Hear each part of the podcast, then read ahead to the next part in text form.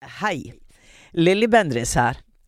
Eh, før jeg setter i gang med dagens episode, så har jeg en liten gladnyhet. Og det er at jeg skal ha liveshow med Uforklarlig i Oslo på Kosmopolit scene. Hva slags kveld blir det, mon tro? Jo, der blir gjester, men der blir også en opplevelse for dere, en personlig opplevelse for dere som sitter i salen.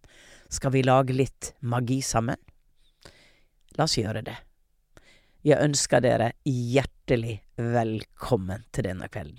Les mer på kosmopolitt.no, eller gå inn i linken på min bio på Instagram. Har du opplevd noe uforklarlig? Så la jeg meg ned, tok dyna rundt meg, og så kjente jeg en hånd komme rundt på siden av meg og sa 'jeg ventet på deg'. Og det var venninnen min sin hånd, men det var ikke hennes stemme. Jeg heter Lilly Bendris, og i podkasten Uforklarlig snakker jeg med dere som har opplevd uforklarlige ting i livet.